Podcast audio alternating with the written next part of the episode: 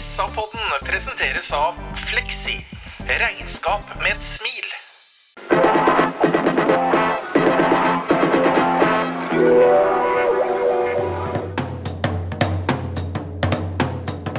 Sarpsborg Arbeiderblad gir deg en ny episode av SA-podden med Sven René Nygård, Øystein Weber, Petter Kalnes og Bjørn Inge Bingen Nilsen.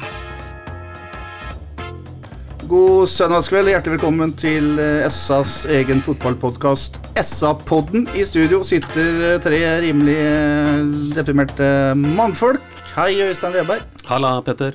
Hei, Bingen Nilsen. God kveld, Petter. Hei, jeg heter Petter Kalnes og uh, har sett en fotballkamp på Sarpsborg stadion som var ferdig for uh, 55 minutter siden, som uh, endte 2-0 til Lillestrøm. Vi gjør ikke som vi pleier denne gangen, vi går rett på sak. Eh, det er masse snakk om dommer Ahid Sagi fra Dravn i Drammen. Hva er ditt, eh, din oppsummering av hans innsats? Får bare sjekke ut én ting eh, først. Da Bingen satt her etter tapet denne uka vi tapte for Moss og HamKam, så sånn at jeg føler meg som etter å ha vært på en guttetur på Kos og trenger link av Espen Widlund. Da visste jo ikke han hva som skulle komme. Så jeg har bare lyst til å sjekke først. eh, Føler du deg vel, eh, Bingen? Er formen brukbar? Nei, jeg føler meg helt utafor. Jeg kan være helt ærlig. Til hes er jeg, og jeg, jeg blir medtatt av norsk dommerstand og utvisninger og fotballkamp og nok et tap. Jeg syns liksom går over alle støvleskaft nå, jeg. Ja, vi kan jo begynne der. Jeg var jo så heldig med en uttalelse i dag, Petter, at jeg belærte Bingen et par andre på tribunen at Saggi var Norges beste dommer. Eh, sjelden har jeg vel vært mer uh, uheldig med en, med en kommentar. Uh, han hadde en forferdelig dag på jobben. Ja, jeg har lyst til å ta tak i en ting som Stefan Bilborn sier til oss på SA-TV rett etter kampen. her. Han sier at en kampleder skal på en måte være Han, skal, han naturligvis ligger i ordets forstand at han skal lede kampen. Her syns jeg Saggi i stedet spiller en uh, hovedrolle, Bingen. Og da, det, er, det er jo det motsatte av hva en dommer skal gjøre. da. Ja, til slutt så blir det jo nesten helt sånn jeg, det, det ender jo til og med med et gult kort på en eh, helt fair takling til Matthew. Da begynte jo til og med stadion å pipe på han like før slutt. Matthew spiller for øvrig, kjære lyttere, på Lillestrøm. Og da pep eh, publikum mot eh, dommeren for at de syns det nå er nok nok. Og han delte vel ut eh, med, med det doble gule kortet, så mener jeg faktisk han har delt ut, han har delt ut 11, 11 gule kort i en kamp. Ja, 8 til 08, og to av dem resulterer i utvisning.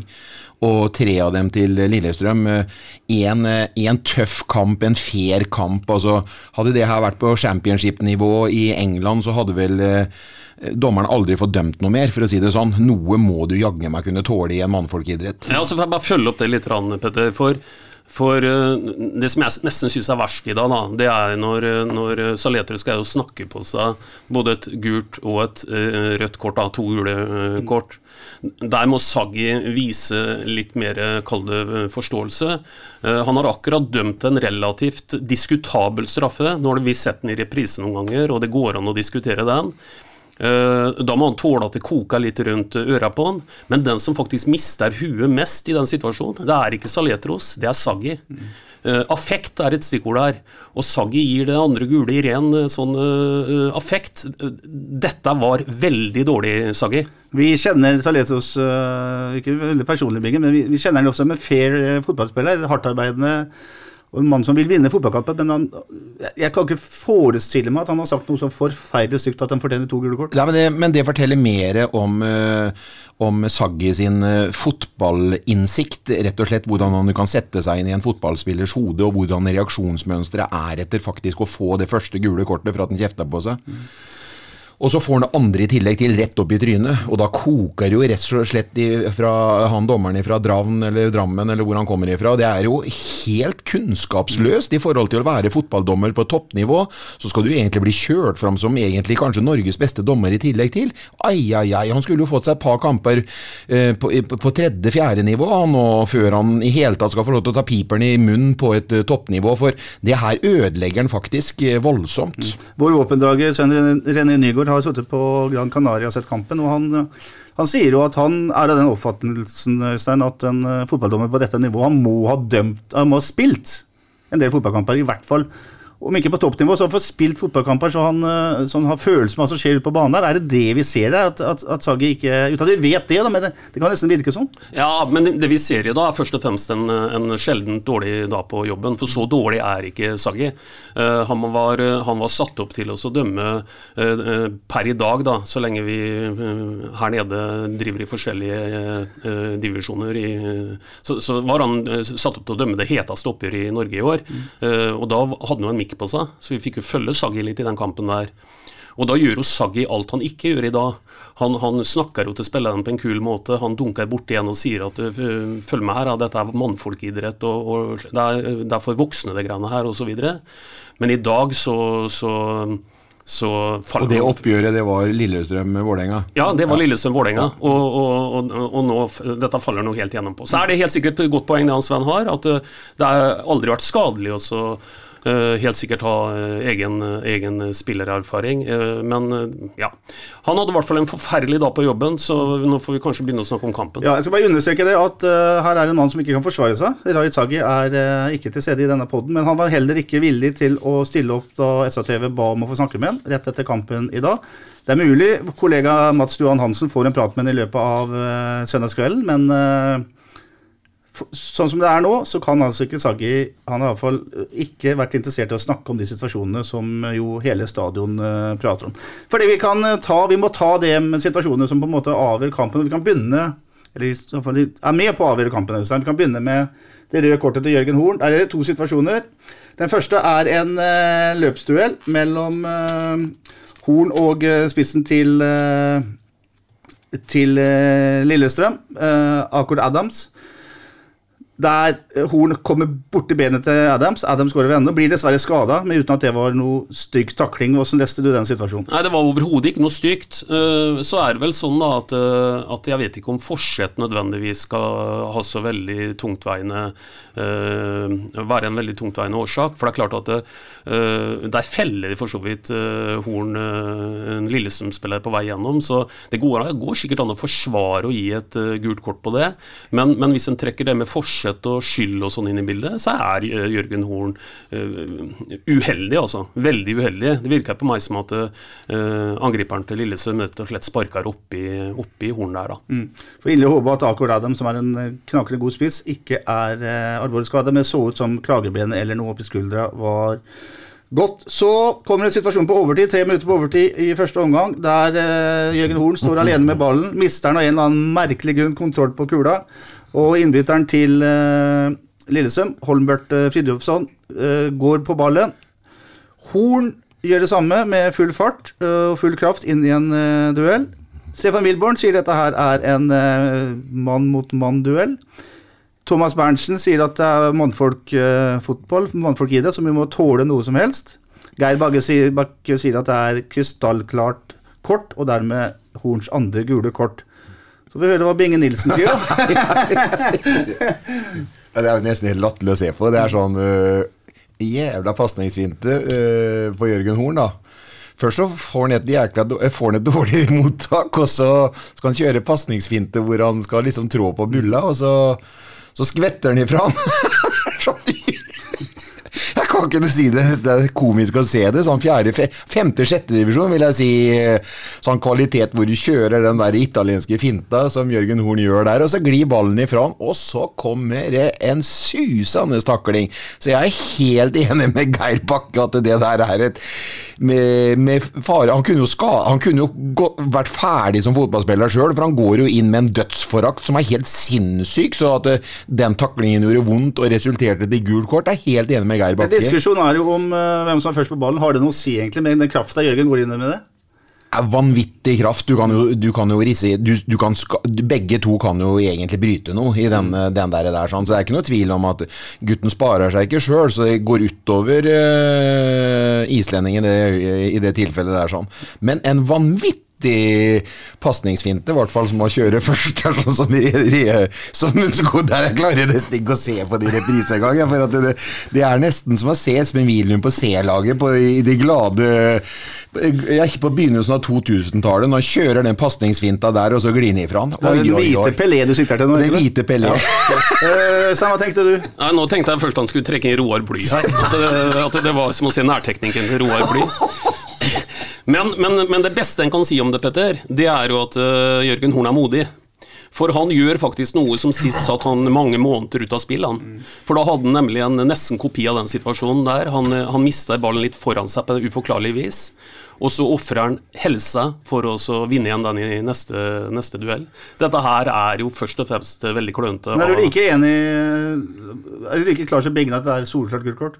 Nei, Jeg, jeg syns det er litt mer i grenseland. For, for det, det, er som du sier, at hvem er egentlig først der? Og, men, men, men, det skal jo vektlegges den krafta du går inn i, det, i dette her. Jeg har sett jeg har sett mange gule kort som ser ut som det greiene der. Mm. Vi pleier noen ganger å si du gir anledning til dommeren til å gi gult kort.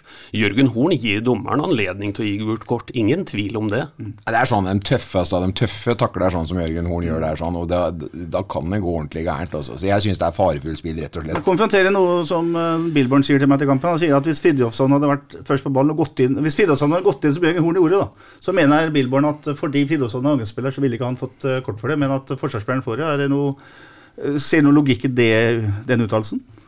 Ja, jeg vet ikke. Den er jo ganske ny. Jeg har ikke reflektert veldig mye over det. Det kan godt hende at eh, Billborn har reflektert mer over det, og at det er et, eh, det er et poeng. Eh, jeg har ikke tenkt uh, veldig mye på det. Men, men vi snakker jo ofte om uh, type situasjoner. Hadde det vært frispark på innsiden, ikke sant? Uh, da er det jo straff osv. Mm. Altså fotball blir bedømt litt forskjellig i forhold til hvor på banen en forskjell skjer osv. Kanskje dette her, kanskje Billborn har et poeng, at, at en forsvarsspiller blir litt tøffere behandla i den situasjonen der. Mm.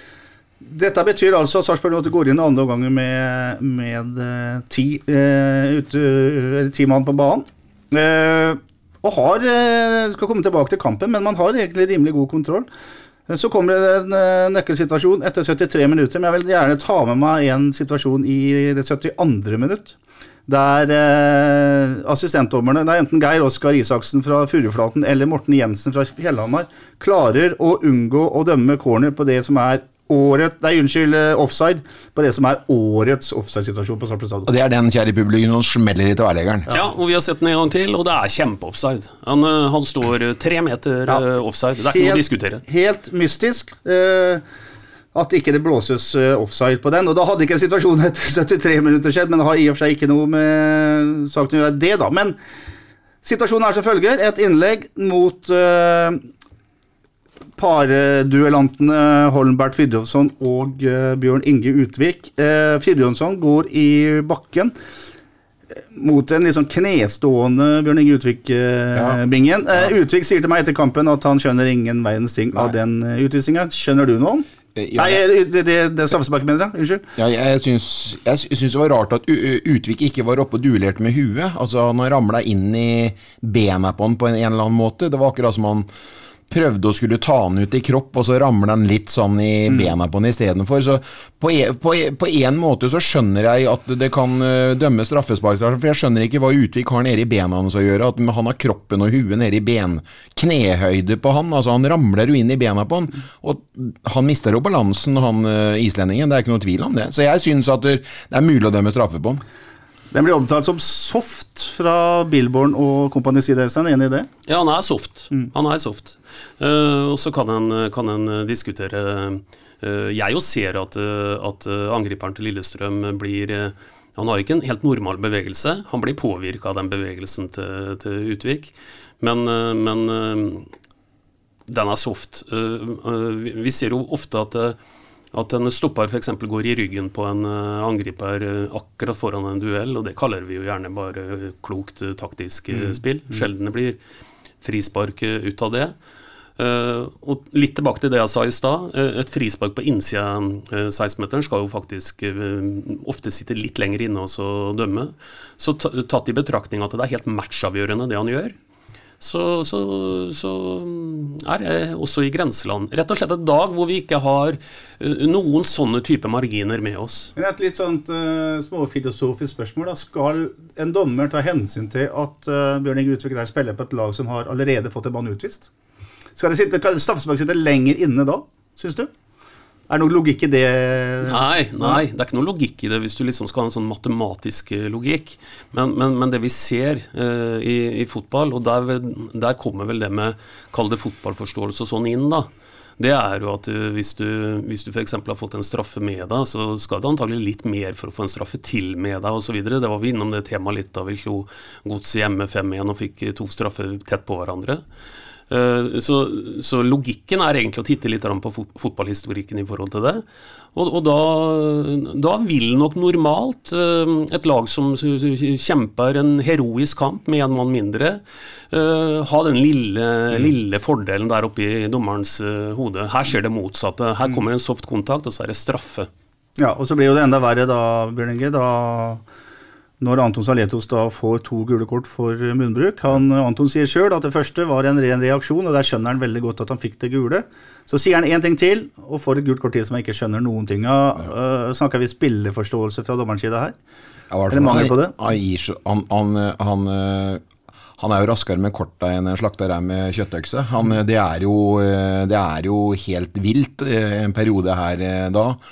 Og når han like etterpå drar opp det gule på Matthew, som jeg sa i stad, så syns jeg det, liksom, det, går, det, går, det, er helt merkelig å se på hvordan dommeren mister det totalt. Mm. Så jeg syns ikke det er riktig Det er helt, kan sikkert forsvares at Saletro skal få ett, men da skal han faderen i meg nesten snakke i øret på han i fem minutter til før han skal få det andre, men det gikk jo ikke to sekunder engang, så han må jo ha sagt noe av det styggeste han kan om mora hans, eller et eller annet sånt noe. Jeg vet ikke. Nei, og Saletos har i ettertid sagt at det var ikke voldsomt stygt, det han uh, uttalte, noe både Thomas Berntsen og også Stefan Bilborn har bekrefta. Uansett så er dette situasjoner som er uh, avgjørende for at kampen blir som den uh, blir. Vi lar dette være uh, siste ord om akkurat dommerkvartettens innsats så langt. Men vi tar Men han, han linjedommeren på tribunesiden i andre omgang mm. Han hadde jo et uh, 60-metersløp hvor han fløy med flagget heva i 20 år, vet du, og så drar han det ned i 20 minutter. Og så var han litt opp og ned med det før han bestemte seg, når han kom ned til dørlinja, at jeg får, får, holde det nede. Mm. Så han var veldig Det var veldig ambivalent. Altså, det var litt feriemodus, om de hadde vært på stranda. og sola seg, eller hva det var for noe, men det var i hvert fall noe som ikke stemte helt for dem i dag, det må jeg si. Jeg har lyst til å ta den situasjonen der. Det er en offside-situasjon i første omgang, og, lytterne som var på stadion, eller som på TV, husker helt sikkert det. Det er en, eh, det er en eh, god kontring fra Lillesøm der Yldren Ibrahima får en pasning i bakrom. Han løper som bærbenten etter den. Så skjønner han at han er offside. Se på linjemannen som vinker. Så bare lar han ballen være. Han snitter ballen litt, og så kommer da Magnus Knutsen eh, bakfra alene med keeper og skyter på utsida av stanga. Logikken i huet mitt Øystein, er når, når dommeren Lindemann velger å vinke. Da burde ikke det vært nok, liksom? Jo, jeg mener at det burde vært nok. De har helt sikkert bo, regelboka på sin side i forhold til at dommeren har ennå ikke tatt en endelig beslutning, og det er fløyta som først og fremst signaliserer det. Men, men, da må de jo huske på da, at for, de, for, normale forsvarsspillere så er jo flagget opp et signal mm. som utløser noe. Mm.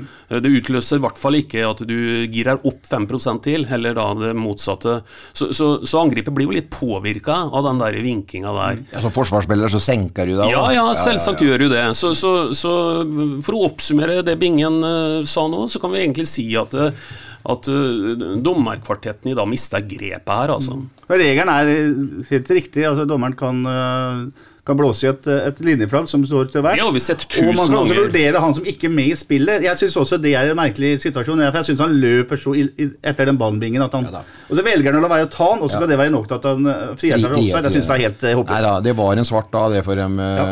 sortkledde. Det har sittet noen på et kontor og lagd den offside-regelen der, det er vi i hvert fall ganske sikre på.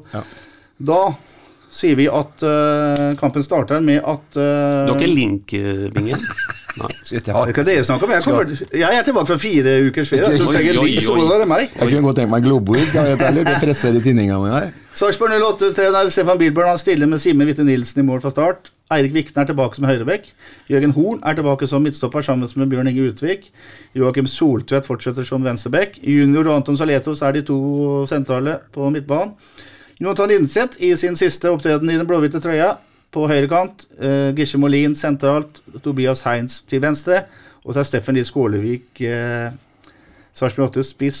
Og det tar 13 sekunder, Øystein, før Vikner slår et innlegg som ender med at Molins får et uh, skuddforsøk fra straffemerket som man bruker ut, utsiden av benet, og skyter rett på keeper, som gjør seg gjør en god redning. Ja, og der kunne vi jo fått en drømmeåpning. Det har vært skåra mål fra det holdet der før. Og det er jo som du sier, det skjer jo så raskt at det hadde jo vært en av årets eventuelt raskeste skåringer i en kamp i Eliteserien. Men symptomatisk i dag, så, så var, ikke, var ikke dagen for dette. Nei, det er jo fullt mulig for eh, Molins å sette den uh, bingen, syns du ikke det? Eller? Absolutt, men um, Molins har ikke vært skarpa lenge, han òg. Uh, men jeg syns uh, syns vi uh, i første omgang sånn generelt sett, og du kommer til å Du har mange mm. situasjoner i første omgang. Mm. For første omgang er vi egentlig veldig gode, vi. Mm. Vi, Venstresiden vår fungerte etter min mening fantastisk godt med Heinz og Soltvedt. Og det var plassbevegelser, og det var bare på nippet flere ganger i første omgang at den motsatte bevegelsen ikke sitter liksom helt sånn 100. Mm. Og vi var faktisk veldig nære å skåre og gjøre, gjøre, noe stort i første omgang, men for, for spill, spill, spill, og sjanser det taler i hvert fall ikke til Lillestrøm sin fordel etter første omgangen. Vi er gode, men vi er ikke skarpe nok uh, i den siste, den siste, sekvensen. Mm. Dette er jo som å høre Geir Bakke i intervju med deg etter mm, kampen. Mm, han, uh, han, og så er det selvsagt lett å være nesten irriterende sympatisk etter å ha tatt med tre poeng fra stadion og skal reise hjem. da. Men, men, han sier jo det som uh, Bingen sier. Vi er, vi er hårfint fra å skape noe, og, og, vi har mange situasjoner i første omgang. Det er veldig irriterende at at eh, en Heinz for eksempel, som du kommer til etter hvert, ikke kan gjøre det han gjør i oppvarminga mm. før kamp. Han mm. sitter der og ser på han treeren inn i nettveggen mm. gang på gang. Det er liksom, det gjør som den enkleste sak av, i verden. Og Han kommer etter hvert til en sånn mulighet, men nå, nå, går han på keeper. Jeg skal ta noen uh, sekvenser her. Fire minutter. et... Uh en overgang. Saletros slår et innlegg som uh, ender med et, uh, en femmeter. Godt innlegg, ingen som var foran mål der. Glimrende spill etter 4.39. Uh, Heinz til Linseth så finner Skålevik. Skålevik kliner til med venstrebenet. Glimrende blokkering av Espen Garnås, midtstopperen til uh, Lillestrøm. Åtte minutter. Heinz slår mot første stolpe. Der kommer Molins, og der har Molins uh, sånn halvveis hæla den i mål gang, mange ganger. Her blir uh, treffet altfor uh, for hardt, så det blir ikke noe skerving. Det blir bare en, en retningsforandring. Eh, så kommer noe som jeg har skrevet utrolig svak heading. Og jeg er glad i headinger, det vet dere, men 9.57. Eh, Heins glimrende pasning mot motsatt uh, flanke. Jonathan Linseth han kan heade mot mål, men aller helst skulle han jo selvfølgelig heada inn foran mål, der det står to blåkledde og bare venter på ballen. Men det han gjør, er å hedde ballen over måløsteren. Det der er eh, skuffende svakt. Ja, det er veldig dårlig. Han gjør jo ingen av delene, som du sier. Han hadde jo minst to valg. Han kunne prøve å styrt mot det lengste hjørnet. Han kunne, hvertfall, eller han kunne nikka den inn foran. Mm, mm. Headinga hans holder uh, lav klasse. Mm. Dessverre så er jo ikke Linseth noen store hodespiller, det har vi jo sett, sett før. så så Sånn sett var det vel ikke overraskende, men, eh, men sjansen er stor. Mm. Eh, og vi, Det er totalt uinteressant det jeg skal si nå, men, eh, men, det hadde blitt noe ut av den hvis det var Mortensen som, som sto igjen av det innlegget. Det er helt riktig. 13 minutter. Den første Lillesund-sjansen er at Vetle Dragsnes tvinger Simen Bitte Nilsen til god redning etter at Vikne har dribla litt på egen banehalvdel og mista ballen. Uh, 16 minutter er en enorm overgangsmulighet til Sarpsborg 8. Det er fire mot to, til og med fem mot to. Vi husker sikkert den, da Soltvedt uh, mister uh, ballen. Det hele starter med at, at Simen Hvitte Nilsen fanger et, en corner og triller den til, til Soltvedt, som dessverre ikke får gjort noe ut av ballen. etter 20 minutter, Bjørn Inge Nilsen, så kommer Simen Hvitte Nilsen i hardt vær når han prøver å drible litt. Uh, egen 16-meter. Da reiser du deg opp og sa noen pøvlige ord, husker jeg? Ja, jeg mista det litt da, men uh, det var det mange som gjorde på tribunen. Og det er jo dumt, og det er der vi snakker om dum og dumdristig. Mm. Det er forskjell på det. Men så er det en som sier til meg for øvrig at det er jo sånn vi skal spille, sier sier eh, Per Heine-stemma. De har fått beskjed av treneren å spille sånn, men eh, det får da være grenser. For øvrig så sto eh, For øvrig så syns jeg Simen Hvitu Nilsen reiste seg i dag. Han var den keeperen som jeg har sett den som tidligere. Han øh, gjorde det enkelt, han øh, brøt foran, han var øh, i feltet. Han var sikker øh, med hendene på bakken, på stuss foran spisser osv. Så, videre. så en meget øh, godkjent kam kamp av Simen i dag, og han har løfta seg. Og fortsett med det. Gjør det enkelt. Spill på eh, egenskapene dine, og ikke tull det til sånn som eh, det, du gjorde det etter 20 minutter. Ja, Det var ikke første gangen, vet du, Petter. For uh, vi, vi er litt snille hvis vi, hvis vi venter til 20 minutter, med, for, for, for da blir det materialisert i, i noe som er nesten noe mot. Men jeg ser også tidligere i kampen her hvor Simen velger også uh, spille ut på en Det er jo et understatement å si en markert junior. Han, han løper jo alt han kan mot uh, eget mål. Han skal jo ikke ha den ballen der. Da er det bare med seg mann. altså. Ja, ja, og, og, og dette er jo ikke noe kameratpasning i det hele tatt. Så, så det, det må lukas vekk noe av den risikotaginga der. Nå var ikke det vi ble straffa for i dag, men eh, da er det sagt, i hvert fall. Ja. Det er eh, finnen eh, Kasper Khan Kairinen som skyter eh, mot et åpent mål. og Der kommer heldigvis junior eh, til unnsetning for Simen Witte Nilsen og redder eh, ballen. Så kommer en eh, den sjansen som du nevner på med eh, Tobias Heinz, Øystein, og her er, et, her er glimrende 08-spill. Det er jo et, en støting av Jørgen Horn. Han, han velger å gå ut av fireren sin, støter på motstanderen banehalvdel, vinner ballen, spiller til Linseth, som treffer Heinz.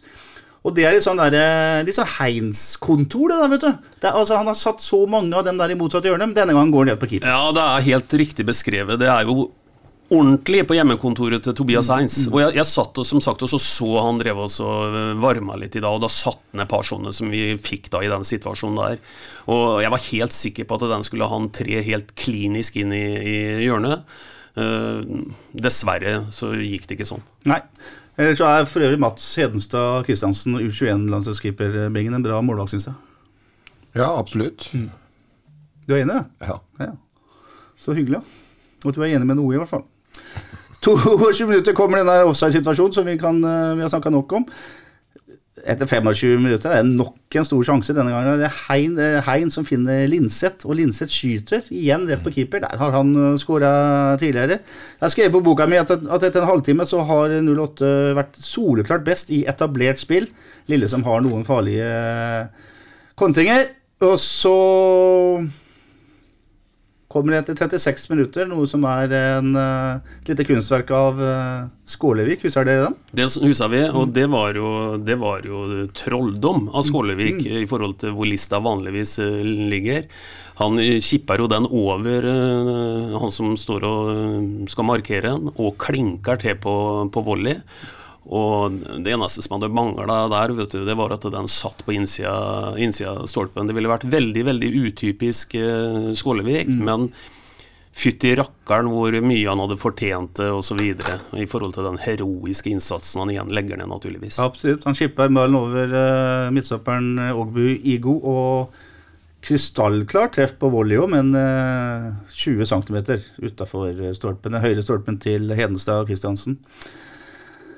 Så kommer det en heading fra, fra Linseth, et, et innlegg fra Saleto som Linseth egentlig bare får satt hodet på, for han, han må rygge så veldig på. Men den går, har retning krysset og tar jo noen sekunder før Hedenstad har vel rimelig god kontroll på. Ja, men der ser du jo farlig det er, da, når du greier å på en måte få vinkla den ballen tilbake der. Eh, Det er jo som du sier, det er jo en lobb av en heading. Det er jo ikke noe, det er jo ikke noe hardt, øh, ingenting. Men, men keeper har lang vei øh, når ballen detter ned der. Eh, Så var det nok ikke sånn overdramatisk. Han har vel kanskje bedre kontroll enn ja, Men vi- vi- det er ikke den han er inne og henter, som jeg mener han er nesten kunne si at dere lurer på om han var inne? Ja, det du, du, du, om er at den. fisteren vel over tverrliggeren. Ja, men han var faen, jeg syns han var så ille langt bak å hente han, så det var egentlig Det var nære på, det. Altså. nære på. Ja. 41 minutter kommer den siste sjansen til uh, Det gjør det ikke, for den nest siste sjansen det er et høyrebenskudd fra Soltvedt, som treffer faktisk bra med høyrebenet, men også det er rett for keeper. Så kommer situasjonen der eh, Mr. Horn blir eh, utvist. Og så etter det vet du, så er det en målsjanse der Skålevik iallfall er i duell med keeperen. Og da er jo Skålevik typen til å erte på seg en uh, sten, uh, Bingen, men Altså Mats Hedenstad Christiansson tar ballen og slår i huet på Skålevik. Ja, han, eh, og Tom Petterson, svenske midtstopperen, som ble kjøpt for dyre dommer fra amerikansk fotball i fjor, tar et slags sånn kvelertak på, på Skålevik. Og Skålevik peker på seg sjøl og sier vel til dommeren Mener du nå helt seriøst, Saggi, at du er i ferd med å gi meg et gult kort? For det betyr jo at Sagi må ha s- Sagi må ha sett situasjonen. Han gir altså keeperen og Skålevik gult kort. Petterson slipper helt unna. Eh, så kan man si at Skålevik får for at han hoppa inn i disse Ja, men det er ikke noe gult kort. Disse hellige kuene Ja, som det sitter er her ved siden av men dette er ikke, men, det er eh, ikke noe gult kort. Nei. Ja, men han, tar, han tar akkurat sånn alle keeperes ønskedrøm å gjøre på en spiller han er forbanna på. Og kommer jeg unna med den der her sånn? Fy fader, det er helt suveren. Men han tar rett og slett ballen med hendene i, motsatt, og så, øh, så feiser han ballen mot ansiktet til Skålevik, og så nesten spretter den i ansiktet på Skålevik, og så tilbake igjen. Og det klarer altså Skålevik å få da gul kort på. Ja, det er en uh... Ja, så er det Skålevik vet du, som som får, får gult kort. Uh, uh, altså, det, er mange, det er sikkert mange fotballspillere her jeg ikke hadde kjøpt uh, bruktbil av, men, men Skålevik er jo en jeg hadde gjort det. Altså, han virker jo som hel ved, eh, eh, og, og har jo veldig lite sånne triks og fakter for seg. Og det eneste Skålevik gjør, er jo bare rett og slett dette ned pga. den ballen som keeperen hiver rett på han. Og det er jo helt fantastisk at det greier å bli et gult kort til Skålevik. Det skjer altså foran uh, Fossefall, og det var noen reaksjoner fra supporterne bak mål der. Eh, omgangen ender eh, Det var en forrykende omgang. Og jeg har faktisk nå ikke Altså, jeg har nevnt det som er av store Lillestrøm-sjanser. En rekke cornere, som Eller rekke, tre-fire i hvert fall. Som vi jo var veldig redd for på forhånd, men som uh, Simen har nevnt. nevnt. ja. Jeg syns Jørgen Horn var god, Ja. Utvik god i det duellspillet der. Ja, ja. De skapte ikke noe 100 sjanse. Men så kommer kommer ut til det, da. Så da må vi kalle en spade for en spade. For at der, uh, når vi kommer ut av Jan omgang, så er vi jo én mann mindre. Og bakgrunnen for det vil jeg bare si nå at der, nå har Jørgen Horn spilt en del kamper. Og han har spilt en indirekte rolle på utfallet, på resultatet, i en del kamper. Så eh, nå har det blitt nesten litt sånn at ja, Jørgen Horn han er duellspiller, han er god å ha på defensiv dødball, han er en, eh, en bra taklingsspiller osv., eh, men nå blir det litt sånn at forvent alltid det uventa når Jørgen Horn har ballen. Og så påvirker det laget og poengfangsten vår så kolossalt at vi da må spille med ti mann, og vi ser åssen vi stiller ti mann i annen omgang. Det er jo så ultradefensivt, så vi må håpe på vi må håpe på nesten et under at vi skal skåre mål i annen omgang. Så dessverre så blir det sånn at det her eh, Det er rett og slett den der skuddfinta til Jørgen Horn der er, er matchavgjørende. Eller pasningsfinta, den er matchavgjørende.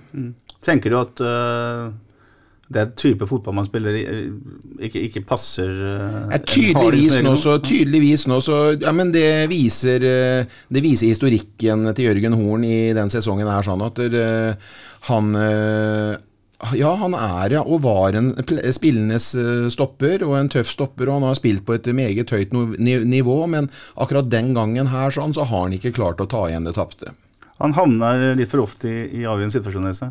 Ja, det er jo helt riktig sagt. Og det er ingen tvil om at Bingen har rett i at, eh, at eh, det er jo ikke bare at han har gjort en del feil, men han har gjort en del kostbare feil, for de har fått en direkte konsekvens i forhold til, i forhold til om det der har blitt skapt et mål, eller om det har blitt skapt et rødt kort som nå, osv. Og, så og det er, eh, det er for dyrt. Det er rett og slett for dyrt.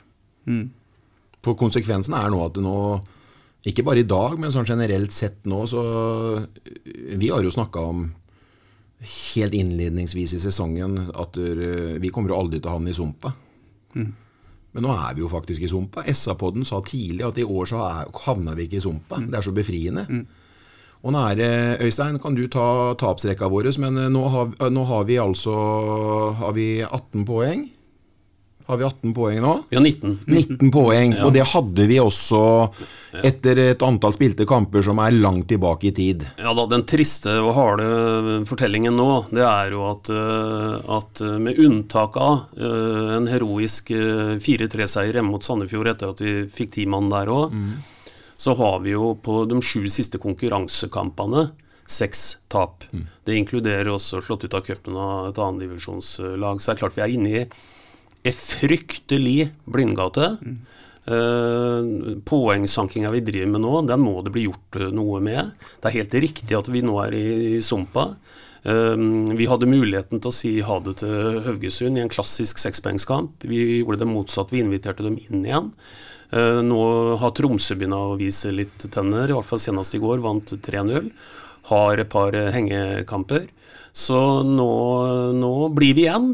Eh, vi kommer jo litt tilbake til litt logistikk osv. litt senere her, Petter. Men vi har igjen satt oss i den situasjonen at det blir eh, årets sommervindu som eventuelt kan bidra til å roe nervene. Mm. Og det for fjerde, for fjerde året, året på rad. 19, 20, 21, 22. For Hvis man ser på kampbildet i første omgang, så er det jo ikke noe tvil om at med en uh, ordentlig toppspiss så hadde dette vært eh, 3-1 i pause, da, for å si det sånn. Ja, ja, det er ikke noe tvil om at, eh, at eh, de gode øyeblikkene til dette laget her holder et høyere nivå enn vi nesten noen gang har gjort. Det har vi sett flere ganger. Men en fotballkamp det er to ganger 45, og det dreier seg ikke minst om å få tellende resultat og helst avverge kan du si, målet mål imot. Og det er der, eh, der, kampen, det er der kampene avgjøres. Mm. Vi, vi, har, vi, har jo innimellom snakka om type statistikk som ball possession og sånn. Til slutt så spyr du jo nesten av det når du, når du hører at du blir et ekko av deg sjøl. Mm.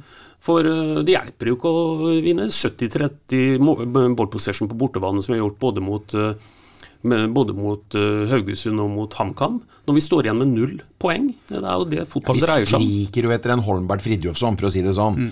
Her går han ut med kragebensbrudd, han, eh, han uh, afrikaneren deres som uh, Adams. Adams. Mm. Og så setter de inn en som kanskje hever styrkelaget. Det er jo vanvittig kompetanse de har på topp i Lillestrøm. Mm. mm. Og for oss så går det jo egentlig bare bakover Eller det er jo, det er jo ikke bra i hele tatt. Rett og slett så blir dårligere og dårligere. Vi skal komme tilbake til overgangsmarkedet litt senere, men det, altså, det er eh, jo det faktum nå at når, med Mai går ute med skade eh, Horn, eh, unnskyld, Heins produserer jo ikke noe særlig nå. Eh, Linseth har ikke produsert på en stund. Eh, og Molins og Skålevik oser det heller ikke mål så det er klart at man ser hvor skoen trykker. Rollen til Molins rett og slett i den rollen han har hatt. og antall minutter og i forhold til hva han har uh, fått igjen for antall kamper han har spilt, så er ikke det godt nok på det nivået vi uh, skal uh, være på. Nei. I pause så gjør Stefan Bilborn det samme som han gjorde med ti mann mot Sandefjord. Han tar ut begge kantene. Han tar ut Linseth og han tar ut Heins. Han setter inn Magnar Jødegaard som uh, midtstoppererstatninga for uh, Jørgen Horn. Og så setter han inn Høyland, Martin Høyland som en sånn vaktbikkje på midtbanen. Og spiller vel jeg sagt hva blir det for noe 4-3-2-1-system. Uh, det at Linseth blir tatt ut, uh, løpsmaskinen Linseth blir tatt ut, uh, mens uh, Molins ikke hadde noe imponerende første omgang, fortsatt på banen. Hva tenkte du om det? Nei, Jeg syns det er veldig rart. Vi spiller, men så spiller vi heller ikke 4-3-2-1, for da hadde vi vel strengt tatt ikke mangla noen. Nei, unnskyld, jeg klarer ikke å telle det. Nei. Nei. Så, vi, så, det er jo hele poenget. At hvorfor tar du ut maratonløperen din? 4-3-2 spiller vi. Ja. Mm. Hvorfor tar du ut den som hos oss har mest løpskraft på banen etter 45? Det skulle jeg gjerne visst. Jeg kjøper ikke at Huanes er i Bulgaria, eh, for, for det holder ikke. Uh, han har nå signert papirer og osv. Han. Så, så uh, han må ofre seg så lenge han har den arbeidsgiveren han uh, har. sier ikke jeg at det er noen sånne greier inne i bildet. Det kan godt hende at han ønska å fortsette, men ble tatt av. Men da stiller jeg spørsmål om Et veldig enkelt spørsmål, egentlig. Vi så jo sjøl Molins etter 66 minutter Uh, vinka som en sånn en uh, skipsbrudden uh, på en øde øy om at nå må vi bytte. Mm. Da var han tom. Uh, Molin, eller Linseth er jo ikke tom etter 66 minutter, og aldri tom etter 45 heller. Så jeg, jeg, jeg stussa litt på at at vi ikke beholder den løpskrafta hans på banen. Og så understreker jeg at jeg vet ingenting om eh, foranledningen til det. Blir han tatt av fordi han skal bort, eh, Bingen, tror du? Nei, det kan tyde på at der, og uh, trenerteamet, et pressa trenerteam, òg gjør litt uh, pressa feil nå, for å si det rett ut. Mm. Så det kan jo ikke være sånn at han virka jo helt frisk. Uh, og var jo i situasjoner og var jo i skåringsposisjoner uh, flere ganger i løpet av første omgang og var med på, uh, på oppbyggende spill. Så for meg så uh, Ti av ti ganger så tar i hvert fall jeg ut eh, Molins. Men eh, som Øystein Weberg sier, vi vet ikke, og vi skulle gjerne visst. Eh, så syns jeg Linseth var atskillig bedre enn han har vært forrige gang. Eh, og, så, og, kan vi jo bare dvele litt med det faktum at en, en spiller som er solgt, fortsatt får spille. I, i, foran forrige serierunde i Haugesund så satt Kristian uh, Gauseth og vår gamle venn Lars Bohinen i studio til uh, Eurosport. Lars Bohinen var krystallklar. Jeg hadde aldri spilt Linseth, sier han, fordi han er i forhandlingssituasjon. Uh, Gauseth sier at Linseth er profesjonell og er så glad i Sarpsborg 8 og kameratene sine at han, vil, at han gir 100 og gir alt uansett. Er det så interessant problemstilling der? Jo, men jeg, men jeg, gir egentlig eh, Jeg gir eh, Bohin et poeng i forhold til det må være i en forhandlingssituasjon.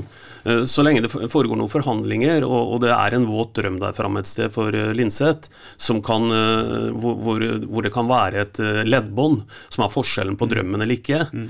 på det tidspunktet så, så hadde jeg skjønt veldig at at det kunne vært kanskje fornuftig også, nå snakker jeg på generelt grunnlag, å spart en sånn type spiller. For han, han vil ikke kanskje greit å mobilisere det, de 100 som alltid vil kreves. Og Linseth er ikke bedre enn at han må levere 100% kan ikke levere 98 for da er, da er du en del av massa. Men når alt er klart, da syns jeg situasjonen faktisk blir litt annerledes.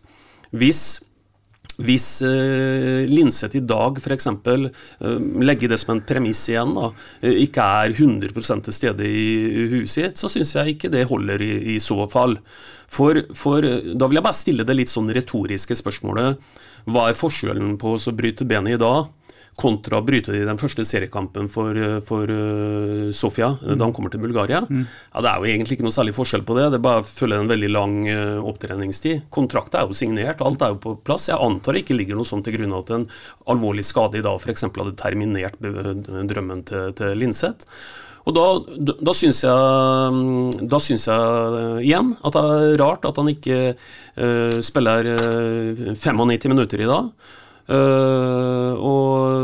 Da må det være en eller annen plausibel forklaring på det, men, men det skulle vært artig å høre hva som var, var grunnen til det. Ja, Forklaringa kan jo være at han uh, vil komprimere laget sitt såpass at han da velger å ta ut de to som har starta på kanten. Men uh, Bingen, det med å bruke folk som, som har en annen arbeidsgiver i morgen tidlig, hva, hvordan har du resonnert rundt det der i dine mange år som sportssjef? Uh, i, han blir jo solgt fordi at han er eh, en av våre viktigste og beste spillere. Mm. Kanskje den beste, da, i sammen med Saletros. Så jeg ville brukt han eh, til det bitre. Mm. Bra. da Vi får alle svar på det, men det er et, interessant uh, spørsmål å reise. Situasjonen er i hvert fall altså, som nevnt at Ødegaard og Martin Høiland kommer inn for Linseth og Tobias Heinz. En Tobias Heinz som jeg for øvrig syns gjorde sin, også sin beste kamp på lenge.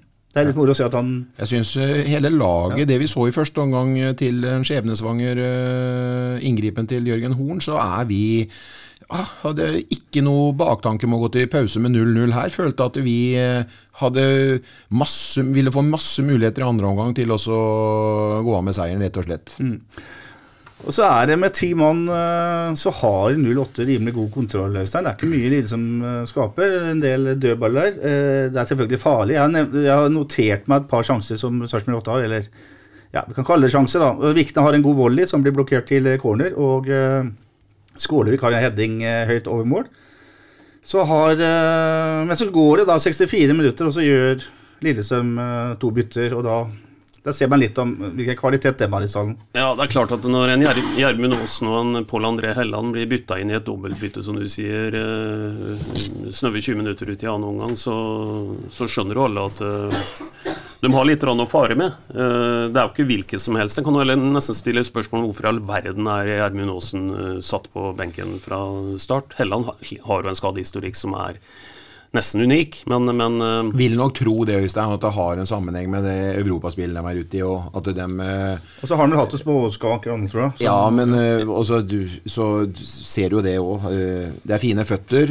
ene er jo topp matchfit, og han andre er ikke det. Nei, da tenker jeg på Helland. Han Nei, ser jo ikke akkurat ut som en toppspiller nå, men han har fine føtter. Ja da, og samtidig som Eggen da han ble seriemester med Moss i 87, så var det tolv stykker Jeg gjentar tolv stykker som ble formelt seriemester med Moss, så er jo Mister Bakke en, en tilhenger av rotering. Mm. Vi ser jo det gang på gang på gang, så det, noe, det ligger nok noe der. Mm. mm. Trøkket mot Sarpsborg 8 blir iallfall ikke noe mindre etter at uh, de to tidligere Rosenborg-spillerne kommer på banen. Uh, etter 66 minutter så har Saletos et godt skuddforsøk. Bingen har bedt ham skyte mer, og han uh, her skjøt fra langt, forholdsvis langt hold, høyt over mål riktignok. 68 minutter har gått, og Molins har fått nok. Ole Jørgen Halvorsen kommer inn, spiller i den liksom dype spissrolla. 72 minutter kommer det der fantastiske offside-situasjonen der Lillestrøm skyter i tverrleggeren. Og så kommer straffesparket etter 73 minutter, som Pål André Helland minuttet senere setter i mål. Da er det 0-1, og Sarpsborg 08 er redusert til uh, åtte utespillere. Da da er det game over, selvfølgelig. Ja, da er, da er det game over. Vi ser jo ofte at det går an også det går an å pakke sekken og ligge i ramma og gjøre en god prestasjon med, med én spiller utvist. Og det hadde jeg faktisk lenge tro på i dag, at vi kunne, kunne få en 0-0 ut av denne kampen her, når vi tross alt var der vi var. Men det er klart at med ni, ni mann, eller åtte utespillere, som du sier, da, da er det game, set, match. Allikevel, eh, Bjørn Inge, så er det fullt mulig å kritisere forsvarsspillet på Lillestrøms andre skåring. Et innlegg som uh, Holmbert uh, Aron Briem Fridtjonsson, din islandske spisshjelp på Lillestrøm, får jo til å gå opp midt imellom Ødegård og Soltvedt. Rykker elegant så han havner bak ryggen til Magnar Ødegård, og i, i, et rom foran Joakim Soltvedt der han ikke får tak på han. Eh, vi har sett litt for mange sånne, har vi ikke det? Ja, men akkurat den situasjonen der så virka det som de var helt sjanseløse. Mm. Og det virka nesten egentlig som Magnar ga opp duellen før han, uh, han starta. Og så ble han fryktelig feilplassert òg, fordi han beveger seg veldig smart. Mm. Og så kommer Soltvedt altfor sent inn i. Altså, så jeg har liksom jeg har veldig sans for Jeg hadde veldig sans for han skåra alle måla i, Ålesund. Og jeg syns det er en fantastisk uh, jobb av Lillestrøm å få tak i to så gode spisser som de har fått, uh, fått tak i i år. Han er jo for øvrig på lån, vet jeg, men uansett, eh, faderen for en smart spiller. og Han er 1,95 og harmonerer den kroppen sin eh, både med fart, med ball i luft, og er en kjempegod spiller. Så jeg tar meg hatten heller av for bevegelsesmønsteret hans og for avslutningsegenskapene hans. Men i dag er jo det faktisk unntak, egentlig, Petter, hvor han viser klasseforskjellen inne i eh, der. For det er klart, når jeg går til stadionet i dag, eh, og vi skal møte Lillestrøm, så, så, hadde jeg jo følt fryktelig dårlig med hvis jeg ikke var bekymra for uh, dødballene mm. til Lillestrøm. Mm. Så i dag så syns jeg egentlig at, eh, at, vi er ganske gode til å, til å demme opp for det, da. Det, det, kommer jo ikke noe scoring i dag f.eks. på en uh, direkte cornersituasjon f.eks. osv. Men akkurat den situasjonen du beskriver der, så så vi at Fride Jonsson har vært ute vinter, vinternatt før. da. Mm. Så er jo, Jeg hørte Geir Bakke på forhånd og sier at mot Sarpsborg 8 så blir det bakrom. Derfor spiller Akur Adams. Så blir han bytta inn uh, pga. han blir skada, og så setter også Geir inn en uh, minst like god spiss. Og kampen da viser til all tydelighetsbingen at uh, hvor viktig det er å ha det frontspilleren da, som kan gjøre litt på egen hånd og, og, og, kanskje ikke trenger 100 sjanser for å skåre mål. Da. Ja, ja, Nei, eh, det er veldig viktig, og de skårer jo, de jo mye mål. Og han du fortalte om, han eh, Tom Petterson som de henta fra mm. Amerikansk fotball, han har jo også skåra noen viktige mål eh, hvor han har på en måte stanga litt for dem og fått noen uh, viktige ettmålsseire pga.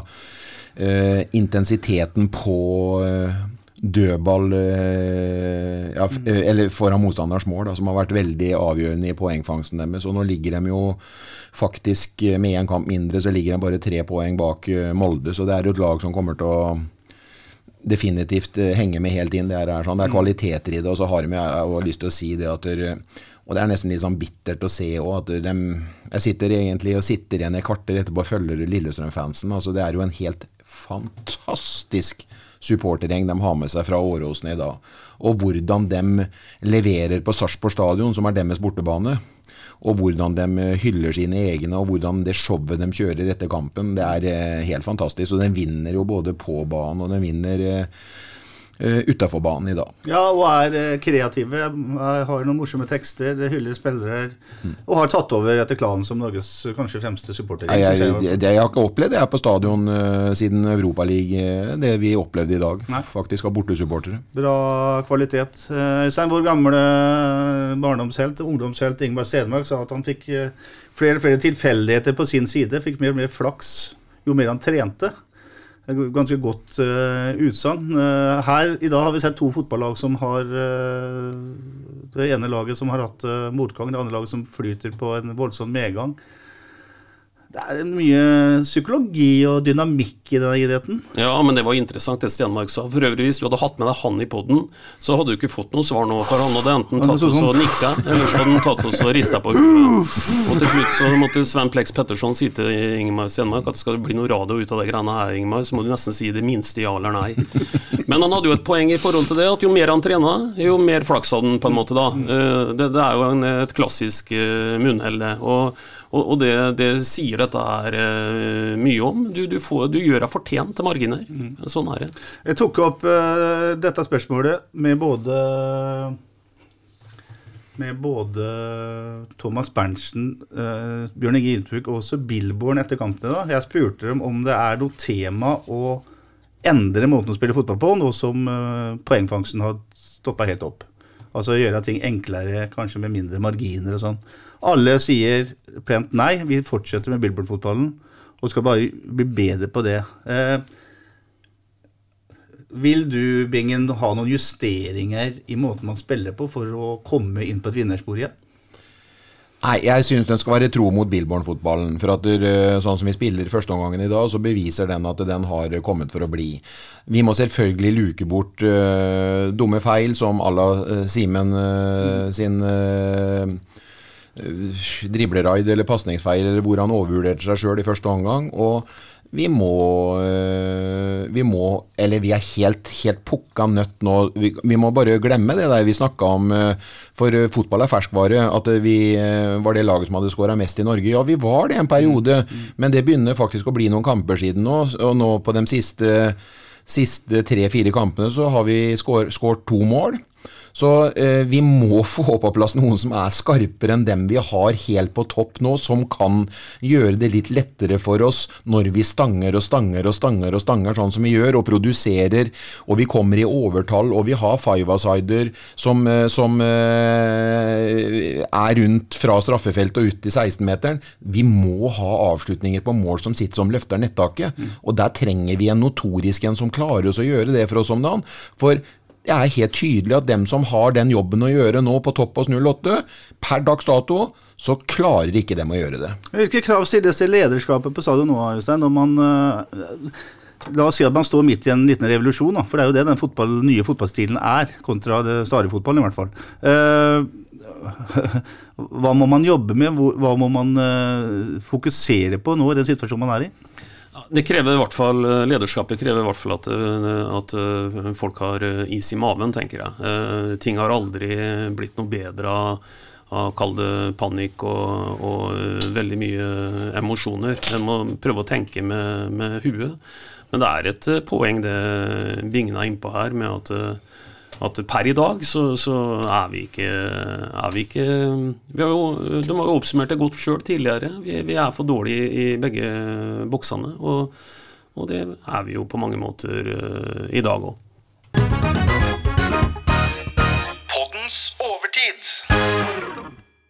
Og nettopp det som Øystein sa her, blir uh, også tema i uh, dagens overtid. Der overgangsmarkedet det overgangsvinduet som åpner 1.8, er eh, tema. Bingen har allerede sagt at man må få inn eh, mer notoriske målskårere i offensive spillere. Det vi vet, eh, gutter, er at Gustav Mogensen, en 21 år gammel spiss fra Brentford, er spillerklar fra 1.8. Fortsatt et par måneder ute unna grunnet en skade. Men Viktor Torp, midtbanespiller på 22 år, som kom fra Midtjylland, er uh, spilleklar. Og det er også Simon Tibling, en 27 år gammel midtbanespiller fra Randers, som Sarpsborg har kjøpt for uh, penga som han fikk da Jonathan Linseth ble CSKA Sofia-spiller. Eh, Hva er den foreløpige dommen eh, ut fra det vi har lest og ikke sett, da? For vi har jo ikke sett dem på kamp ennå, Øystein. Men eh, hva tenker du om den danske trioen Tibling, Torp og Mogensen? Nei, altså Svaret på det vil jo på mange måter være Det, det er jo et du, du løfter det frem et veldig viktig men her, og det er jo på en måte at vi har vi har, kan egentlig bare fram til nå lese noen gamle statistikker og litt YouTube-bilder, og det har vi for så vidt eh, sett av mange opp igjennom, som ikke vi skal, eh, vi skal vente til de leverer nede på, på kunstgresset på enenda. Men, men eh, i utgangspunktet så syns jeg at det er, det er spennende signeringer. Og han siste 27-åringen, han Simon Tibling som kom der Vi kan ikke bli så vi kan ikke bli så hva skal vi si, høye og mørke her i byen at når vi når vi snakker om en som har spilt i Djurgården, Groningen, Randers og hjelper med det siste eh, Brøndby. Mm. Det er et godt selskap å hete Sarpsborg 08 inn i den kvartetten av klubber der.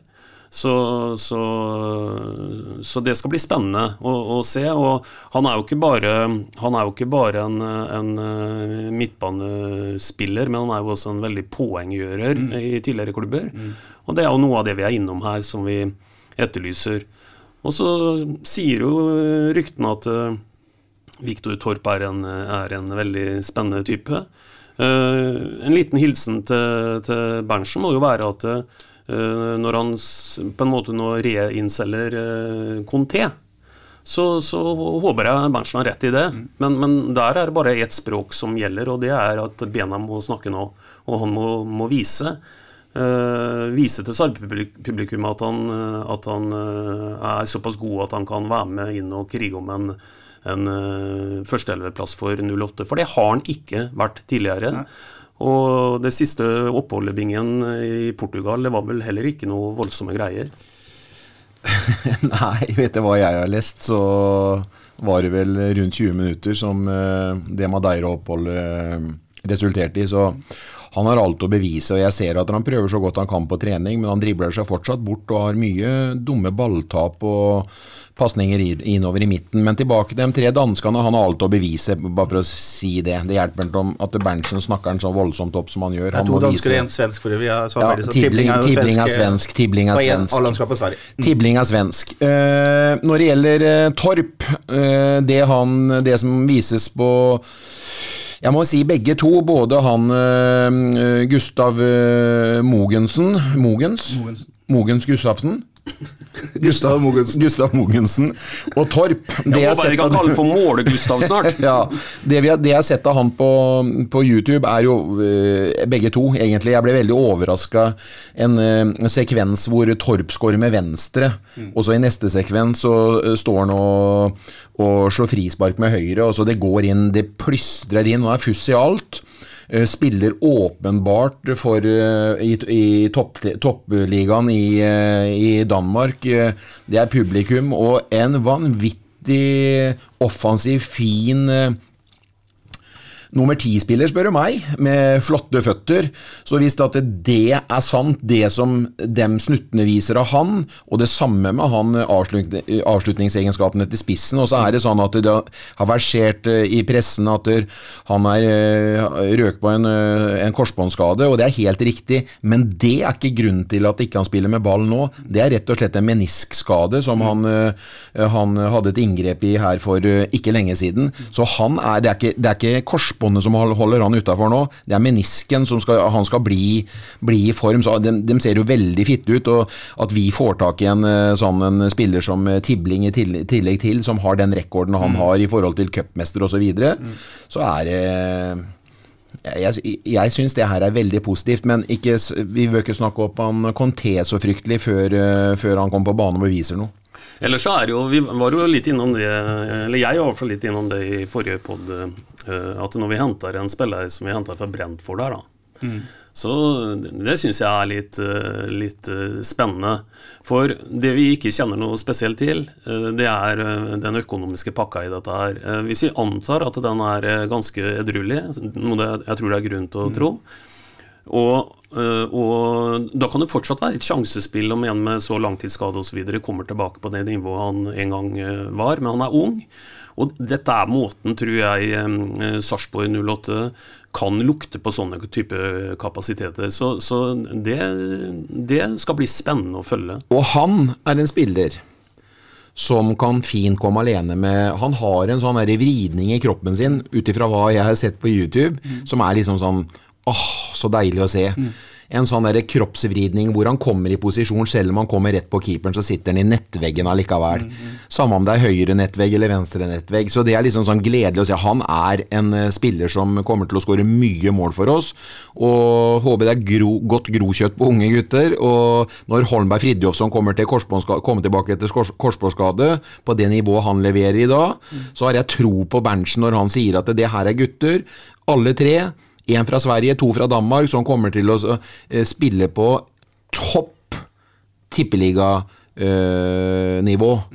Og eh, det må de nesten tåle å høre òg når de eh, lever av å spille fotball. Vi må ikke være så forsiktige hele tiden, men eh, vi kan forvente oss. Det er jeg helt overbevist om, kjære lyttere. Og i likhet til deg, som, du som både er eh, bilselger og sportssjef, så har også Thomas Berntsen evne til å snakke eh, ikke folk ned, men opp. Og han sier jo i pausa i dag til Eurosport at uh, Mogensen er en potensiell toppskårer i, i Eliteserien. Det, det er godt å høre det, da. Ja, jeg vil bare legge til for håpe Thomas Berntsen har rett, for det hadde jo vært helt fantastisk. Jeg tror Thomas Berntsen har rett. Det jeg har sett av han, så mye til at ikke han har rett. Han har noe med seg, som jeg sier, én mot én med keeper. Whips, så sitter han i nettveggen. Og så er tema ung et, eh, noe som vi er veldig opptatt av. Eh, Tribling er 27, i sin aller beste alder som fotballspiller. Viktor Torp 22, Mogensen 21. Her blir snittet senka, noe som 08 var helt avhengig av. Ja, det er veldig bra. Veldig, veldig bra. Alle lag trenger å forgynges, og det skjer med dem vi snakker om her nå. Så det koker ned til det vi egentlig starter med her, at eh, nå, må, nå er det opp til bevis. Ja. Og jeg legger gjerne masse press på dem, for det er som Bingen sier, at eh, dette tåler guttene helt sikkert. Ja, og så er det jo sånn nå at nå forsvinner jo Nå forsvinner jo eh, Saletros og så Linseth, eh, så det er jo helt klart at der, Uh, Linseth mener jeg at det forsvinner pga. at han skal stå over pga. to gule i det. Saletros, eh, Sal- Saletros. Ja, ja. Uh, Og Linseth forsvinner jo til Bulgaria. Så er det jo sånn nå at der, to av dem kan vi jo forvente eh, faktisk Ja. eh, er tett opp i lineup eh, allerede i neste seriegang. Mm, De to som er spilleklare, altså Ja. Tibling og Torp, må, må nesten inn. Ja, for. Torp er, debuterer Torp skal, etter det jeg skjønner, spille rekordkamp. Eller så liker jeg Martin Høiland veldig godt, bare for å gi han et kred. Og han kommer inn og gjør jobben sin og er, eh, jobber knallhardt eh, og er disiplinert i forhold til det han får beskjed om, og er mer eller mindre feilfri da, spør du meg. Med en, eh, med en Saleto som kanskje forsvinner til vinteren, så kan jo Høyland og, eh, og June være et sånt eh, sentralt ledd eh, til neste år, med masse offensive folk foran seg. Kanskje. Kanskje, Selv om han er blir- mye mer defensiv enn det Saletos Ja, er, ja, selvfølgelig. ja, Uh, et tema, Bingen, er jo det faktum at Gustav Mogensen er et par måneder unna å spille eliteseriefotball, ifølge det, i hvert fall det ESA skrev her om dagen. Har Sarpsborg 08 tid til å vente på en ny spiss, eller må man bruke august måned til å hente inn en uh, angriper til? Situasjonen nå er jo at uh, Fardal Opseth er, er skada. og det er Skålevik og uh, Molin som på en måte er alternativene der. Det, vi er jo feige hvis vi sier at eh, Skålevik passer inn i Billborn-fotballen. Eh, Skålevik eh, er en ærlig spiller som vi aldri kan ta på innsats noen gang. Men at han skal, hvis, vi sier, hvis de står og sier fortsatt at vi skal spille Billborn-fotball, så er ikke Skålevik eh, en type der som skal stå og slå Eller som klarer og evner og har egenskapene til å stå og spille five-a-side rundt om 16-meteren til, til, til motstandermålet. Og når du spør meg om det, ergo ja. Jeg jeg er vel en sånn type som liker litt slemme gutter. Altså jeg vet at, jeg fulgte, fulgte med i vinter når han skåra masse mål på få kamper i, i eh, Tyrkia, og jeg vet han er klubbløs, og da vil jeg bare kaste inn et navn nå som jeg ikke skjønner at en tippeligaklubb ikke klarer å å eh, som på vårt nivå klarer å gi en mulighet nå ut, eh, ut høstsesongen, og det er eh, Markus Pedersen. Du ville tatt ham på korttidskontrakt? Ja, og det tror jeg gutten hadde sagt ja til òg. For hvorfor skulle han takka nei til en korttidskontrakt som kunne res resultert i en langtidskontrakt? Det er jo ingen som vet det. Altså, Beste muligheten for en spiller som står uten kontrakt, er jo å bevise noe på det nivået som han gjerne vil spille på. og Gjør han det, så vil jo flere klubber uh, sikkert ha tak i Markus Pedersen. Jeg tipper at han ikke er ferdig som uh, fotballspiller, og at han fortsatt har uh, mye mål i seg på det nivået som vi spiller på her i Norge. Ja, og så For å følge opp den tråden, har vi tid til å vente i to måneder? Måneder på en eh, spiss. Ehm, nei, vi har jo egentlig ikke det. da, vet du, For, eh, for uh, i, i, dag beviser jo kan du si Molins igjen at han har jo ikke 90 minutter i, i, i kroppen. Det har han vel egentlig strengt tatt ikke hatt heller. Når han har frekventert litt sammen med Fardal, så har det jo gjerne vært sånn 60-30 eller 65-25 i sånn byttetid. Hvis Fardal også nå Han er jo, er jo, ingen ungdom lenger, han heller. Han er 1990-modell, 32 år. Eh, jo lenger han er vekk nå, eh, mer og mer blir det å tro på julenissen, at eh, han skal på en måte være en slags sånn en effektiv frelser utover høsten. Og da er jeg også helt enig med det Bingen sier. Jeg vil nesten gå lenger enn det Bingen sier. Jeg syns nesten det er urettferdig for Skålevik å bli satt i den posisjonen han blir satt i, med, med ett premiss, hvis vi forventer at han skal trylle med ballen. For, for det kan ikke Skålevik gjøre. Eh, jeg ville jo eh, kanskje heller vurdert selv i dag og så satt han i en av kantrollene, hvor, hvor han som presspiller kommer eh, kanskje enda bedre til sin rett. Men la nå det ligge. Skålevik gjør en heroisk arbeidsinnsats. Det er ingen som tar han på det. Men, men han er ikke den, den uh, småspillende tekniske fotballspilleren. Det, det, ser alle. Men Hvis vi tenker en kvartett framme der med Viktor Torp, Simon Tibling, uh, Tobias Heinz og uh, Gisje Molins er ikke det godt nok? Nei. Nei? Altså Det kan jo være godt nok, men problemet med Gisje Lins er jo at uh, han, uh, han, spiller jo ikke 90 minutter. Hvem skal vi sette inn for Gisje Lins? En fotballkamp varer vel ikke 66 ja, så han er formløs nå i lang tid. Ja, da er podden, i hvert fall Bingens råd til Thomas Berntsen, hent en spiss, og hent gjerne Markus Pedersen. Jeg kan ikke se, se noe. Jeg, jeg mener sjøl at jeg har ikke mista det helt, og så dårlig føler jeg ikke med at Markus Pedersen ikke kunne vært en mann for 08 i høstsesongen. Bra. Vi eh, Jeg synes i hvert fall at, vi, at Jonathan Linseth også fortjener en liten avskjedshilsen fra gutta boys i poden. En uh, fin karriere i Sarpsborg 08, dette her, uh, Øystein. Fra 2019 fram til i dag. Underkant av 100 kamper. Underkant av 20 mål. Hva er din dom over Linseth? Nei, Karrieren til Linseth i 08 den er skrevet med, om ikke gullskrift, så er det jo en av dem som står mest mm, Han står i hvert fall markert med kursiv da, i, i, i fotball-Sarpsborg-historien. Eh, for det er klart han har eh, han har vært et eh, Han var en god signering. Og, og en litt sånn late bloomer, da, vet du. Han, han fikk aldri sjansen i Odd, som han sier, selv om han var der til han var 23 år. Mm. Og så åpenbart ikke en sånn en som har frekventert uh, alle mulige topplag på en lav alder. Han ikke den typen. Men han er jo en gjennomtrena, solid uh, spiller.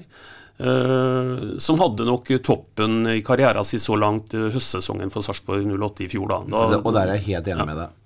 For at han var litt late bloomer i 08 òg. Ja. Han tok ikke helt tak i 1920-sesongen. Det skjedde det. noe først i, ja, i, i, fjor. Og han var jo ikke fast på laget eh, i perioder heller, men, eh, men spesielt høsten i fjor. Ja. Da, da, hadde han jo en helt eh, formidabel da var, da var, han jo rett og slett på sånn Zakariassen-nivå. Så jeg ønsker han lykke til, men for meg så går han å erstatte han. Ja. ja da, jeg er enig i det, og jeg ønsker han også lykke til. takk for innsatsen til Jonathan Linseth. Lykke til i så for det er mulig at poden tar en sånn innspilling fra stadion til CSKA, kanskje? Ja da, det ja, takker vi vel ja til med. Tar, den tar vi på sparket. Den sier ja, ja, ja, ja, ja. Bingen og jeg hadde i hvert fall ikke eh, takka nei til det. Og det hadde vært artig å være på tur med Bingen, for Bingen er jo det nærmeste vi kommer en globetrotter faktisk her ja, i poden. Og han kunne vel guida i enhver europeisk storby, vil jeg ta. Han kan jo alle språk utover kvelden, både bulgarsk og uh, Tysk. Ingenting hadde stoppa Bingen. Nei.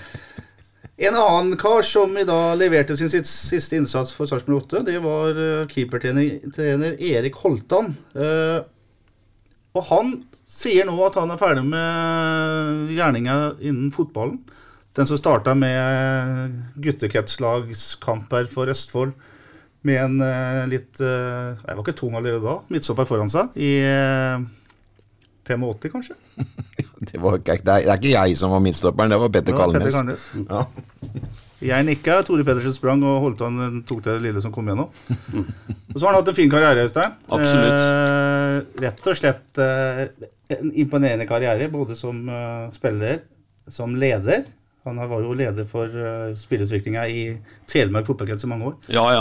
Og nå som, som trener og keepertrener i Sarpsborg 8. Ja da, og veldig, en litt sånn uortodoks type. Ja, vi hadde den, var så heldige å ha han til et lite sånn et foredrag på Borgarhytta for et par år tilbake.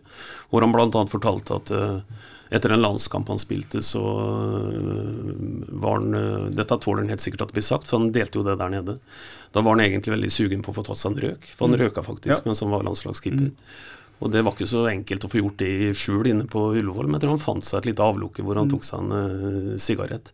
Nei, han var en uortodoks uh, type. Stuttjuken var, var jo på en måte kallenavnet hans, så jeg tror han så nesten på det som en, en eh, æres... eh, Jeg tror han lagde det sjøl på mange måter. ja, ja. Jeg tror ikke han brydde seg noe negativt om, eh, om det. Og du har jo på en måte nådd toppen av stigen da, i, i, i nasjonal fotball, når du, du i en relativt kort periode riktignok, men da er du førstevalg i Norge som keeper. Han var i en periode vurdert som Norges keeper nummer én, rett og slett. Så er han uortodoks også som keepertrener, Binge. For han sier bl.a., iallfall så har han sagt det til meg, at han på, på diverse 3D-kurs osv. har prøvd å fortelle folk som styrer norsk fotball, at den viktigste egenskapen for en keeper er faktisk å redde ballen, og ikke å være Showman. showman langs bakken og slå ja, 70-meterspasninger. Det er en frittalende fyr.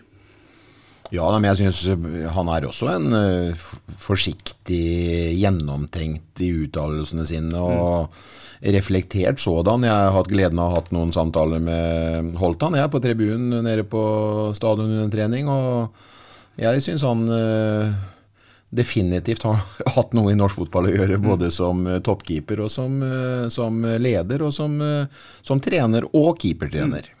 Nå skal han inn i bankvesenet, og øh, jeg syns at vi kan si at vi håper at Holtan kommer tilbake til norsk fotball, for vi trenger noen fargeklatter som han. Ja, Hadde jeg vært i Holtans sko, i hvert fall, så hadde jeg uh, tatt en kort bankkarriere, og så hadde jeg vendt tilbake igjen til fotball. Det kan hende det er litt gunstigere arbeidstid i bankvesenet. det er nok det, men samtidig som er vel fryktelig mye moro her, tror jeg. ja, det, vi får se. Vel blåst, Erik Holtan, og lykke til uh, videre. John Alvbåge er ny keepertrener i Sarpsborg 8 fra lang karriere bl.a. i IFK Göteborg-bingen. Uh, Vanskelig å vite hva han står for som trener, men det er jo en erfaren uh, keeper. Ja, og han har en solid nok bakgrunn som keeper til å kunne sørge for at keeperne våre gjør jobben på treningsfeltet. Så vi ønsker ham lykke til. Litt rart, men sikkert noen grunner til at det ble en eh, keeper fra Eller en keepertrener fra Göteborg. Nok en, eh, en svenske som kommer inn i apparatet, og at det ikke det finnes muligheter for eh, andre i eventuelt nærmiljø eller i regionen vår som er gode nok til å kunne utføre den jobben. Jeg syns Jeg har en sånn tanke om at dere ja, Det er nesten ingen som vet hva Sammen for Sams er, eller Sammen for Sarpsborg er nå, men eh, det hadde vært moro for en eller annen fra en av samarbeidsklubbene våre til syvende og sist, som også kunne hatt muligheten til å vært keepertrener for byens lag. Det, det mener nå jeg, da. Mener du at uh, Budalen må føle seg litt forbigått her?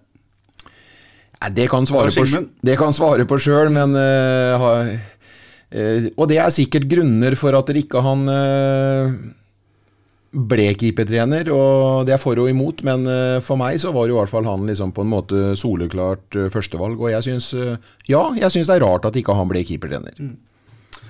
Greit. Det er så at John Alvåge starter jobben i øh, morgen tidlig. Ønsker han lykke til, altså? Vi ønsker han absolutt lykke til. Og jobber med Simen Hvitte Nilsen, Leander Øy og eh, ikke minst da etter hvert eh, Anders Kristiansen, som snart er tilbake fra skade. Det mest positive eh, i dag var kanskje at Aridon Rakai debuterte på laget. En spiss som man har eh, god tro på. Ja, det er, eh, det er eh, positivt. For eh, er det noe vi er litt sånn sultefòra med i, i Sarp de siste åra, så er det jo at det, ja, det kommer opp noen nye, nye under som kan etter hvert forhåpentligvis vise seg at kanskje til og med skal ta en plass. Jeg aner ikke hvor god han er.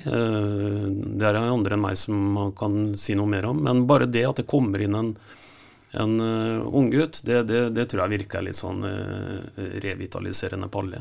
Ja, bra. Før vi skal bruke to minutter på det som skjer neste helg, så er det sånn at mens vi har sittet her og prata, så har uh, Rohit uh, Sagi, hoveddommeren fra kveldens kamp, uttalt seg til SA om de situasjonene som vi har brukt mye tid på her i dag. Det er bare å gå inn på sa.no og lese hva han har sagt til uh, min kollega Mats Duan Hansen. Det er bra at uh, også dommerne uttaler seg i uh, media.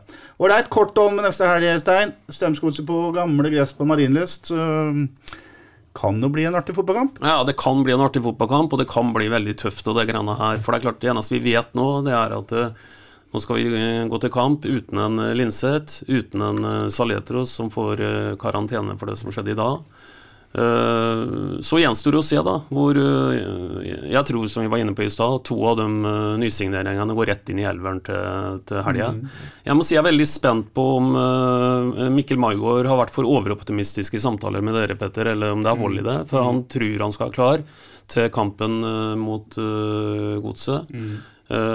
den betyr nok litt ekstra for nå, jf. hans historikk. Så jeg tror ikke det skal være så vanskelig å fyre opp en Mikkel Maigård foran den kampen.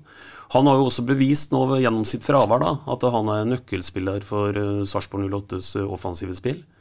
Så mm, det er litt vanskelig, vanskeligere enn nesten noen gang å vurdere det som nå skal skje neste helg. Mm. Det blir en del nye elementer der. Da kan du få deg til å vente, tenke litt mer på det mens Bingen forteller oss hvordan det går.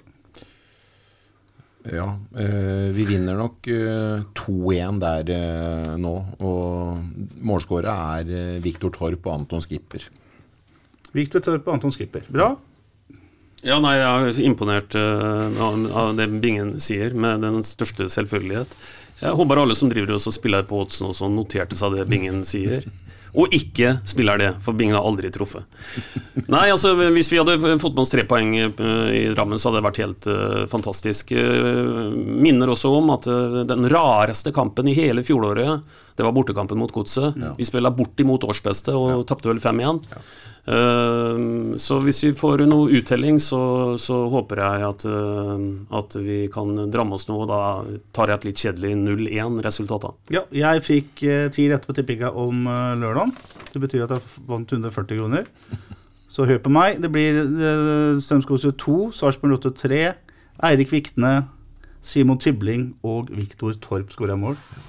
Er ikke noe gærent med det, vel? Nei, Nei ja, ikke. Men bare en liten sånn tippehistorie. Jeg har for så vidt Jeg tipper ikke i noe særlig grad lenger, men jeg gjorde det en gang. Og da husker jeg at eh, Da skal vi litt langt tilbake i bingen. Du vet når du kunne få Du hadde jo resultatene dine på lørdag, men du skulle jo vente til tirsdagsavisa før du kunne lese hva det ble. Ja. Og det er jo ganske mye rom for spekulasjon fra en lørdagskveld til tirsdag. En kan jo gå gjennom denne kupongen da og vurdere om en ikke egentlig har truffet på veldig mye vanskelig. Så jeg husker en gang jeg fikk en elver og fem tiere her. Og ja, skal vel ikke påstå at jeg vurderte å legge inn noe husbud, eller noe sånt, men jeg drømte om at det kunne bli en del avkastning på det. Og Da husker jeg veldig godt at det var null kroner for Tirett, og det var 70 kroner for eh, elveren. Så, og dem brant jeg i den helga i foregående helg før denne her, så det, det, var null, mer eller mindre null i uttelling. Ja, så lenge langt tilbake så du fikk et par halvliter for de pengene, kanskje? Ja, den gangen så gjorde du sikkert det, for jeg er helt tilbake til standardtida oppe i St. Marie-gata. Sånn, ja. Herlig. En eh, lang podkast er eh, ved veis ende. Vi har opplevd en fotballkamp som var dramatisk. Den endte med 2-0-seier til Lillesund Lillesøm på Sarpsborg stadion. Og det aller beste med fotball er jo at det kommer en ny sjanse allerede om noen dager. Og nå må dere snu det! Sa Bjørn Inge Nilsen. Til Sarpsborg 8-spillerne. Prekas. Prekas. Prekas. SA-podden presenteres av Fleksi. Regnskap med et smil.